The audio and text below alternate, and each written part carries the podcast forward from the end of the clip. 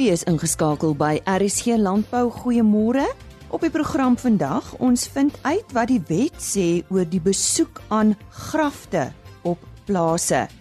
Ons praat met die Instituut vir Graangewasse oor die herfskomandowurm en Afriwet praat oor die effek van die seisoenverandering op vee. Die lente het vanjaar net vinnig kom inloer en die somer het sommer dadelik aangebreek. Dr. Hanrey Bredenkamp van Afriwet gesels vanoggend met ons oor die effek wat die seisoenverandering op vee het. Nou Hanrey, wat is tans aan die gang op veeboere se plase? Hallo Lize. Ja, dit is nou uh, lamtyd en kalftyd. So daar dit is gewoonlik besig hierdie tyd van die jaar op die op die plase. En um, as ons aan lam of kalftyd dink, dan is dit gewoonlik die belangrikste ding waarna mens moet dink is biesmelk moet seker maak dat daai kalfie en lammetjie binne 6 ure biesmelk inneem want die biesmelk is wat aan daai dier immuniteit verskaf vir die eerste paar maande van sy lewe. En as dit nie gebeur na 12 of 24 ure dan word daai kindergampies nie meer opgeneem nie. En dan het dit 'n effek op daai kalfie se se die res van sy lewe.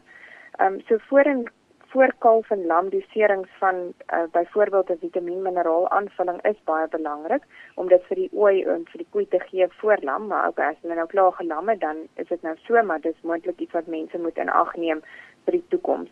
Um, want dit dit beïnvloed wel die kwaliteit van die biesmelk en dan ook baie belangrik is die voeding van hierdie uh, koeie en ooe hierdie tyd van die jaar. Hulle moet nou melk produseer en um, om goeie groei te verseker in jou kalvers en lammers is dit is dit kardinaal.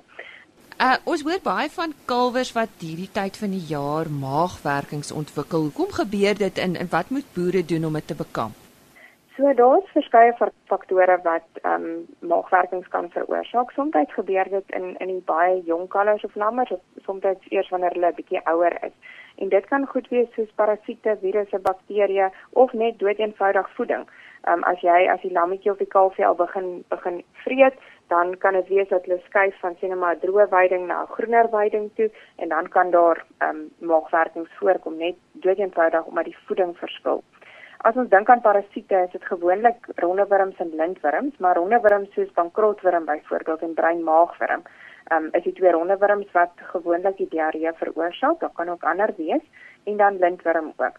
So dit is relatief eenvoudig om uit te sorteer. Jy doseer net 'n middel soos byvoorbeeld die radioinplastyd wat die lebamisol in het om die rondewurm dood te maak en dan die praziquantel om die lintwurm te verwyder.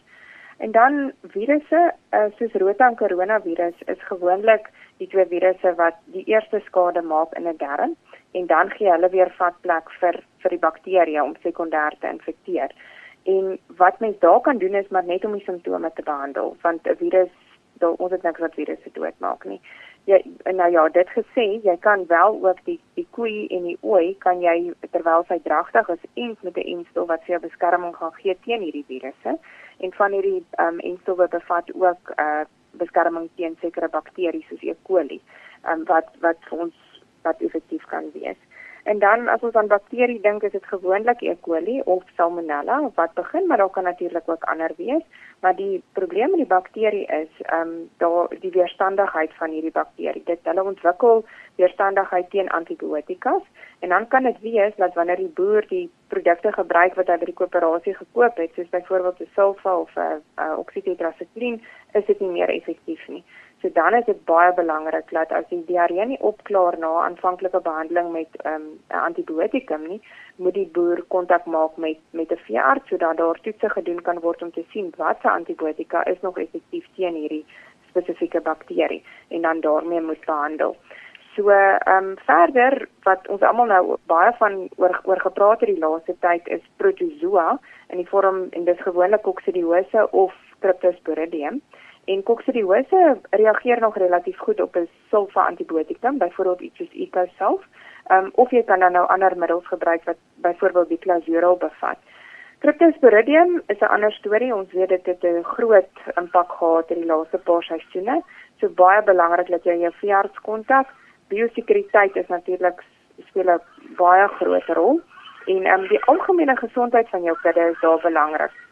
As jy jou entings op datum het en jou ontwurmings is gedoen en jy seker jou vitamiene en mineraalaaanvullings is gedoen met byvoorbeeld iets soos albumin en bovimin, is jou kudde kern gesond. En hoe gesonder jou kudde is, hoe hoër is hulle immuniteit teen siektes en hoe gouer gaan hulle herstel. Dis nie te sê dit gaan nie met jou kudde gebeur nie, maar indien dit sou gebeur, kan die herstelproses vinniger wees. Baie interessant, um, as ons oor protozoa praat, toe ek die haarwormproewe gedoen het, um, vir die haarworm en stof, het ons het ons opgemerk dat hoe hoe laer die haarwormtellings val, soos wat die dit soos wat die sien maar 'n produk die haarwormtellings onder beheer kry, so ook val die koksidiose tellings al is daar geen behandeling vir koksidiose toegepas nie. So dit wys jou maar net enige iets wat die dier se immuunstelsel onder druk sit, gee dan vir hierdie protozoa vatkans en dit hou dan nou weer verband met waarom jou jou kudde kern gesond moet wees om vinniger deur hierdie aanslae te veg. Uh Andre, watse behandeling is noodsaaklik indien maagwerkings voorkom? Ehm um, liewe soos ons gepraat het, dit hang af wat die wat die diarree veroorsaak. So mense moet dit altyd aanspreek en dit het ons nou eintlik klaar geantwoord, maar baie belangrik en ek het dit nog nie genoem nie, is om jou elektrolyte aan te vul. Baie belangrik om te keer dat hierdie diere nie ontwater nie. So om 'n elektrolytmengsel te gee is altyd 'n goeie idee en as daai mengsel ehm um, suikers kan inhou soos dekstrose en B-vitamiene byvoorbeeld en 'n bietjie magnesium en kalsium, dan sien ons dat hierdie diere net baie vinniger kop optel want gewoonlik het hulle nie 'n eetlus nie, so hulle energievlakke is baie laag en wanneer hulle nie eet nie, dan kan die dier in sy deur sy rumen bakterie nie vir homself B-vitamiene maak nie. En ons almal weet as jy gestres is of jy siek, dan het jy daai B-vitamiene nodig. So 'n uh, produk wat wat dit alles bevat, um, is Electrogard NF en ons sien dat dit baie effektief werk. So eintlik enige dier wat siek is, kan kan doen met 'n elektrolyt uh, aanvulling wat 'n B-vitamien byvoorbeeld by het. Watter effek het hierdie skielike somer op die veebedryf? Ja, die vroeë reën wat ons gehad het en dan hoë temperature uh, het definitief 'n effek nie net op die diere nie, maar eintlik op die parasiete en dit het dan weer indirekte effek op die diere. So wat dis ideaal vir parasiete om immuniteit te hê en om hitte te hê, want dan broei hulle eiertjies uit wat oor winter het op die veiding en dis bosluise en wurms en wanneer hulle dan nou uitbroei, uh, klim die larwes op teen die grashalmpies en hulle besmet dan nou die diere. So ons dink die, die vroeë reën en die vroeë hitte sou die seisoen vroeër laat begin het en en dit is wat ons sien op hierdie stadium. Ons gesels môreoggend verder met Dr. Hanrey Bredenkamp van Afriwet en dan praat ons oor peste en plaae soos bosluise en wurms en wat ons boere te doen staan. Volgende aan die woord is Henny Maas. Dit gebeur toenemend dat eh uh, grondeienaars wat etlike jare lank eh uh, in besit van grond is, skielik deur onbekende persone wat beweer dat hulle voorheen op die grond woonagtig was genader word om grafte van oorlede naasbestaandes te besoek. Nou ja, dit skep bepaalde probleme wat kortliks en uit 'n regshoek toegelig behoort te word. En om dit te doen, praat ons met Hans Juri Moelman. Hans Juri, laat ons hoor. Baie dankie, lekker om weer te gesels. Ehm um, ja, ek dink met ter agtergrond, ehm um, die die kwessie rondom grafte en begrafnisse van van plaaswerkers ehm um, is behoorlik in die wet op uitbreiding van sekerheid van verblyfreg gereguleer. Ehm um, eerstens persone wat op plase woon het 'n reg om hulle familielede wat op die plaas woonagtig was ten tye van hulle afsterwe op die gra op die plaas te begrawe. Ehm uh, maar dit is 'n gekwalifiseerde reg. Ehm um, die reg is onderhewig dat daar 'n bestaande praktyk is of dat daar mense toegelaat is om op die plaas te begrawe. En dan tweedens is die vereiste dat die oorledene of die persoon wat te sterwe gekom het wel op die plaas woonagtig was ten tye van sy of haar afsterwe.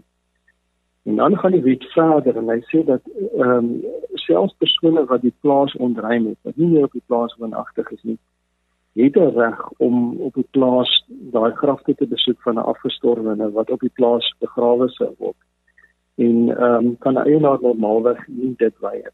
Waar hierdie bietjie moeiliker raak of ingewikkelder raak is waar mense nou te doen het met 'n situasie waar mense wat jy glad nie ken en wat vir jare lank ehm um, waarskynlik nooit op, op die plaas woonagtig was of opgemerk is nie op die plaas kom besoek af lê en dan uh versoek rig dat dat hulle of 'n grafsteen mag oprig of ehm um, grafte mag besoek of grafte mag versorg en dan sit die eienaar met gewone met 'n grondeienaar met sy hande en sy hare om om om hierdie situasie te hanteer. En om dit kortliks uh, te verduidelik waarom ons glo dit gebeur, ehm um, uh, is die feit dat daar in terme van die wet op herstel van grondregte ehm um, dit is die groot vlaggenskap wet wat handel oor grondeise ehm um, die grondeise kommissie inspeksies doen op grond um, om die meriete van die eise te ondersoek. En daai ondersoeke gaan normaalweg oor waar mense woonagtig is en grafte word gewoonlik uitgewys as bewysstukke of fisiese bewysstukke oor waar mense voorheen woonagtig is. En as gevolg hiervan glo ons dat baie van die naasbestaandes van grondeisers en wat grond, grondeise ingedien het, ehm um, besoeke aan grafte bring um, om te gaan kyk waar die grafte is sodat wanneer daar inspeksie gedoen word, hulle dit aan die grondhuise kommissie kan uitwys. Dit laat ongelukkig nie die is die eienaar in 'n hulpelose situasie waar dat eienaar on, net uh, onbepaald mag toelaat met toelaat dat mense die grond mag besoek en van ons ons oogpunt ehm um, gaan 'n persoon wat nooit op die plaas was nie wat onbekend is in die eienaar steeds 'n plig hê om aan die eienaar ehm um, te kan aantoon eerstens wie die persoon is wat op die plaas begrawe is, ehm um, wie die oorledene is. In die meeste gevalle as dit moontlik is, 'n doodsertifikaat ehm um, beskikbaar te stel. Ehm um, tweedens om vir die grondeienaar min of meer te kan sê waar hierdie grafte is op die plaas. Ehm um, dit is en dan die aardse saak is wanneer die persoon oorlede is um, en wat die persoon se rol op die plaas is. Um, ons het in ons gevalle waar ons met hierdie situasie met ons grondeienaars 'n vorm ontwerp wat mense moet vol net met voltooi om in hierdie basiese inligting te verskaf ten einde um, die eienaar in staat te stel om om 'n rekening besluit te maak of hierdie 'n geldige versoek is. Maar dit gebeur baie keer dat dat hierdie situasie konflik veroorsaak veral waar eienaars dit weier en ehm um, is dit liefs wanneer 'n eienaar onseker is ehm um, of 'n persoon se aanspraak of versoek om 'n graf te besoek ehm um, die persoon te versoek om 'n regsproses. As die persoon nie die eienaar kan oortuig ehm um, wat sy vir sy of haar verbintenis met die grond is of met iemand wat daar begrawe is of kan aantoon waar 'n persoon begrawe is nie dat die eienaar daai persoon moet verwys na die departement van landelike ontwikkeling en grondhervorming of die grondhuise kommissie dat hulle of deur 'n regsproses of deur die kommissie self of die departement self die versoek aan die eienaar is. Die kommissie en die, die departement is baie gewillig um, om in hierdie omstandighede ehm um, die die die plaasbewoners by te staan en selfs in gevalle waar daar nou 'n ongelukkige regsdispuut sou ontstaan regsteenwoordiging beskikbaar te stel. Ehm um, en dan het die aansien saak sal die saak bereg word op grond van bewysstukke. Ehm um, en dit dan sal hierdie vrae wat ek wat 'n ou normaalweg sou vra sal dit na vore kom en net die afsien saak sal die persone wat dan die besoek wil wou bring of sou wou bring sal dan die bewysklas dra om vir die hof te oorreed ehm um, wie die wie die oorledene is en waarom hulle die die plaas sou besoek. Ehm um, die kwessie rondom grafte in die algemeen is 'n baie baie sensitiewe saak.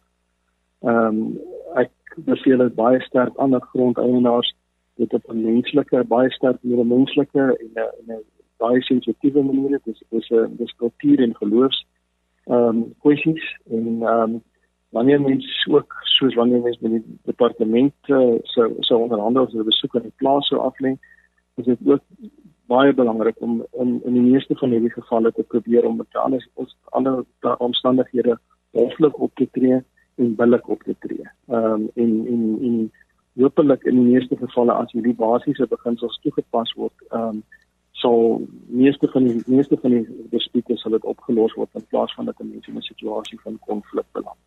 Ja, en moenie bang wees om regshulp te vra nie. Korrek. Ehm um, selfs as jy dan daar en jy het jy 'n dispute um, of jy het 'n probleem ehm um, omdat jy nie iemand wil toelaat nie, die afsaak sal jy ook geregtig wees om om regshulp te kry en in in in waar mense op 'n onbillike wyse of op 'n oneerlike wyse sou aanspraak maak en reg in eie hande neem om om die plaas te besoek sonder om toestemming te vra sal 'n eienaar ook geregtig sien of te nader vir 'n interdik om om te verhoed dat mense onwettig op die grond kom. En ek dink dit is 'n belangrike ding wat jy vra en ek vir veral binne die konteks van van veiligheid op plase. Ons sê baie dankie aan Hans Juri Molman. Ons gesels ver oggend met Dr Annelie Erasmus. Sy is natuurlik daar van die LNR Instituut vir Graangewasse op Potchefstroom en ons praat oor die herfskomando wurm, 'n redelike nuwe plaag uh, wat ons getref het so 'n tydjie gelede in Suid-Afrika. Sy gaan vir ons uh, die nuutste inligting daaroor gee en ook uh, ja, wat uh, wat hulle mee besig is, projekte en wat die beste praktyke is tans wat hulle ook aanbeveel.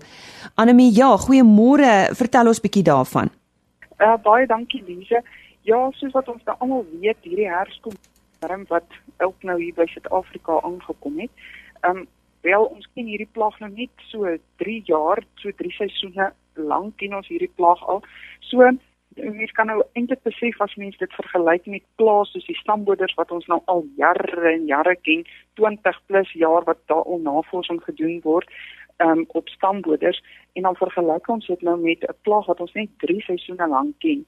So mense kan nou besef dat dit 'n bietjie moeilik is en die probleem met so 'n nuwe indringerspesies is dat daar nie altyd genoeg inligting is nie. So as ons nou inligting soek, dan moet ons nou gaan krap in artikels ehm um, wat gepubliseer is, sê net maar van Amerika af en ehm um, waar hierdie spesies dan nou natuurlik voorkom, maar dit is vir ons 'n indringer spesies. So nou moet ons nou moet ons gaan kyk hoe hierdie natuurlike ehm um, hierdie spesies nou om ingedring hier in Suid-Afrika en nou moet ons weet hoe gaan so 'n nuwe plaag ehm um, hier in Suid-Afrika vestig en so daar is baie vrae rondom so 'n indringerspesies wat ons nie weet nie. Hoe gaan hy by ons omgewing aanpas en daar is geen inligting nie. So dan moet ons nou gaan kyk ehm um, hoe gaan so 'n indringerspesies reageer? En nou natuurlik die vraag wat almal toe nou gehad het is, hoe gaan ons hierdie plaag beheer? En en dit is 'n baie belangrike vraag maar ons het nie altyd antwoorde nie. So dis hoekom dit dan belangrik is om navorsing te doen en dan na die plaaslike omgewing die altyd in gedagte te hou sodat jy weet hoe watse oplossing kan ons kry om tipies so 'n plaag te beheer.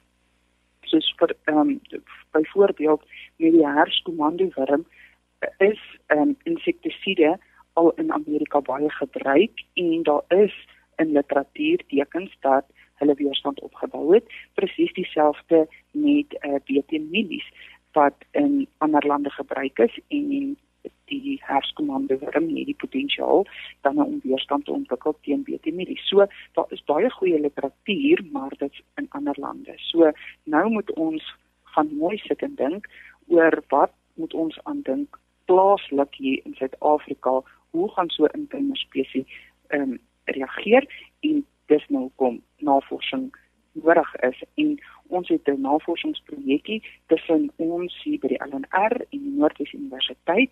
Ehm um, die projekkie is onder leiding van Prof Johnny van den Berg en Prof Annelien Du Plessis by die universiteit en hier by my. So ons probeer nou 'n bietjie agter die kap van die bou kom om te sien wat en hoe reageer hierdie indringerspesies. Anemie, miskien moet ek net vir jou vra, is die toename daar of of is dit redelik onder beheer tans? Tans dink ek ons is redelik gelukkig en ek dink ons het dit onder beheer. So tipies ehm um, goedjies waarna ons dan nou kyk om te sien ehm um, en dan nou kom ons agter in die veld of is hierdie spesies hier of nie. So wat ons nou gekyk het is na tipiese navorsing goedjies waarna ons kyk is wat is die ehm um, vatbaarheid van hierdie larwes teen vitaminies. Ons kyk na ehm um, die gasheer plantreeks wat hulle kies om op te vreet. Ons kyk na die geskiktheid hier in Suid-Afrika ekologiese tipe van navorsing of het hulle die vermoë om waar ook al in watter omgewings te vestig en ehm um, dan om al hierdie navorsing te doen en om te sien ehm um, waar hulle gaan ehm um, vestig moet ons dan nou hierdie larwe steel en um die eerste stap wat ons dan nou moes doen is om te kyk hierdie larwes kan ons hulle teel in die laboratoriums. So ons het nou 'n kunsmatige dieet wat ons toets en baie gelukkig was ons dat ons hulle kan laat vreet um, op hierdie kunsmatige dieet. Ons het tot en met so wat 90%, so bietjie meer as 90% oorlewing. So net ons hierdie massa larwes wat ons kan gebruik vir verskillende proefies en um, tipies dan nou het ons gekyk wat is die vatbaarheid op BT mielies soos wat ons nou weet in Suid-Afrika is daar BT1 en BT2 die eerste BT wat vrygestel is kommersieel in Suid-Afrika en die tweede ene wat verskillende gene in het. So ons het gekyk en al twee het hulle baie onderdruk op die BT1 wat eers kommersieel in Suid-Afrika vrygestel is, het ons op 14 na 14 dae larfies 47% wat nog oorleef het, maar op die BT2 was daar geen larwes wat na 2 weke oorleef het nie, as ons dit vergelyk byvoorbeeld met die kontrole nie BT wat 95% oorlewing gehad het. So dit is een aspek van geïntegreerde plaagbeheer soos wat ons onder die boere praat IPM wat dan jy kan gebruik sinema om hierdie plaag te beheer. Dan kan ons ook kyk na 'n volgende iets soos insekdoders, maar as ons kyk na insekdoders, moet ons altyd registrasie vereistes in gedagte hou en die etiket mooi deurlees. So dit is nog deel van IPM geïntegreerde plaagbeheer. So wat ons dan aanbeveel as mense gebruik maak van insek plaasdoders, daar's baie wat geregistreer is. Maak seker dat die produk wel geregistreer is vir die teikenspesies vir uh, werk. En dan moet jy die etiket baie deeglik gaan deurlees en seker maak jy weet hoe en wat jy moet doen en dan moet jy die regte dosis in gedagte hou. Jy moet die watervolume moet reg wees, die nozzles se grootte moet die regte grootte wees en maak seker dat jy dit op die beste tyd doen um, om optimale beheer te hê op die einde van die dag. So om um, te sê dat 'n insek doder suksesvol toegedien word, moet jy altyd onthou om te gaan kyk na die tyd as jy dit toegedien het om te gaan monitor in die veld. Ons vra ook vir die boere om nie voorkomend te spuit nie want ons weet nie regtig altyd waar is hierdie plaag teenwoordig nie en omdat dit half onvoorspelbaar is en jy weet nie so dit is nie 'n goeie ding om voorkomend te spuit nie omdat ons alreeds weet dat die herskomando worm uh, die vermoë het om weerstand te ontwikkel. So hou dit in gedagte as jy van insekdoder beheer gebruik maak wat 'n deel uitmaak van IPM. Dan kan ons ook kyk na biologiese beheer.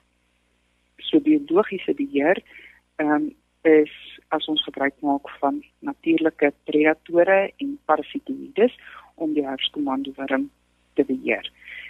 Nou omdat ons hom nog net so kort rukkie ken, is die vraag nou wat kan hom parasiteer. Het ons plaaslike predatore en parasitoïdes die vermoë om die herskomando worm larwes te parasiteer of die moedstadium of die eierstadium. Daar kan verskillende predatore en parasitoïdes vir verskillende stadiums van die herskomando worm wees.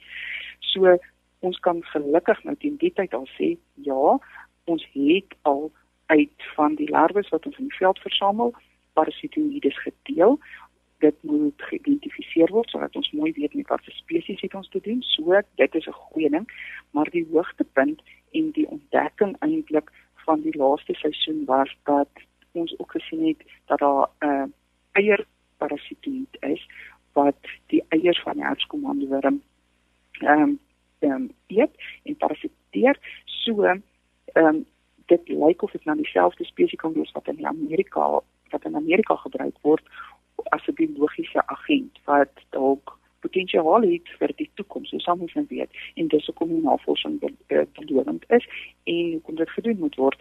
En so ons kan nou met 'n gerusde hart sê ja, in Suid-Afrika gaan daar definitief potensiaal wees vir parasitoïdes wat die herskomando worm kan parasiteer. So dit is deel van biologiese beheer wat ook deel uitmaak van geïntegreerde plaagbeheer.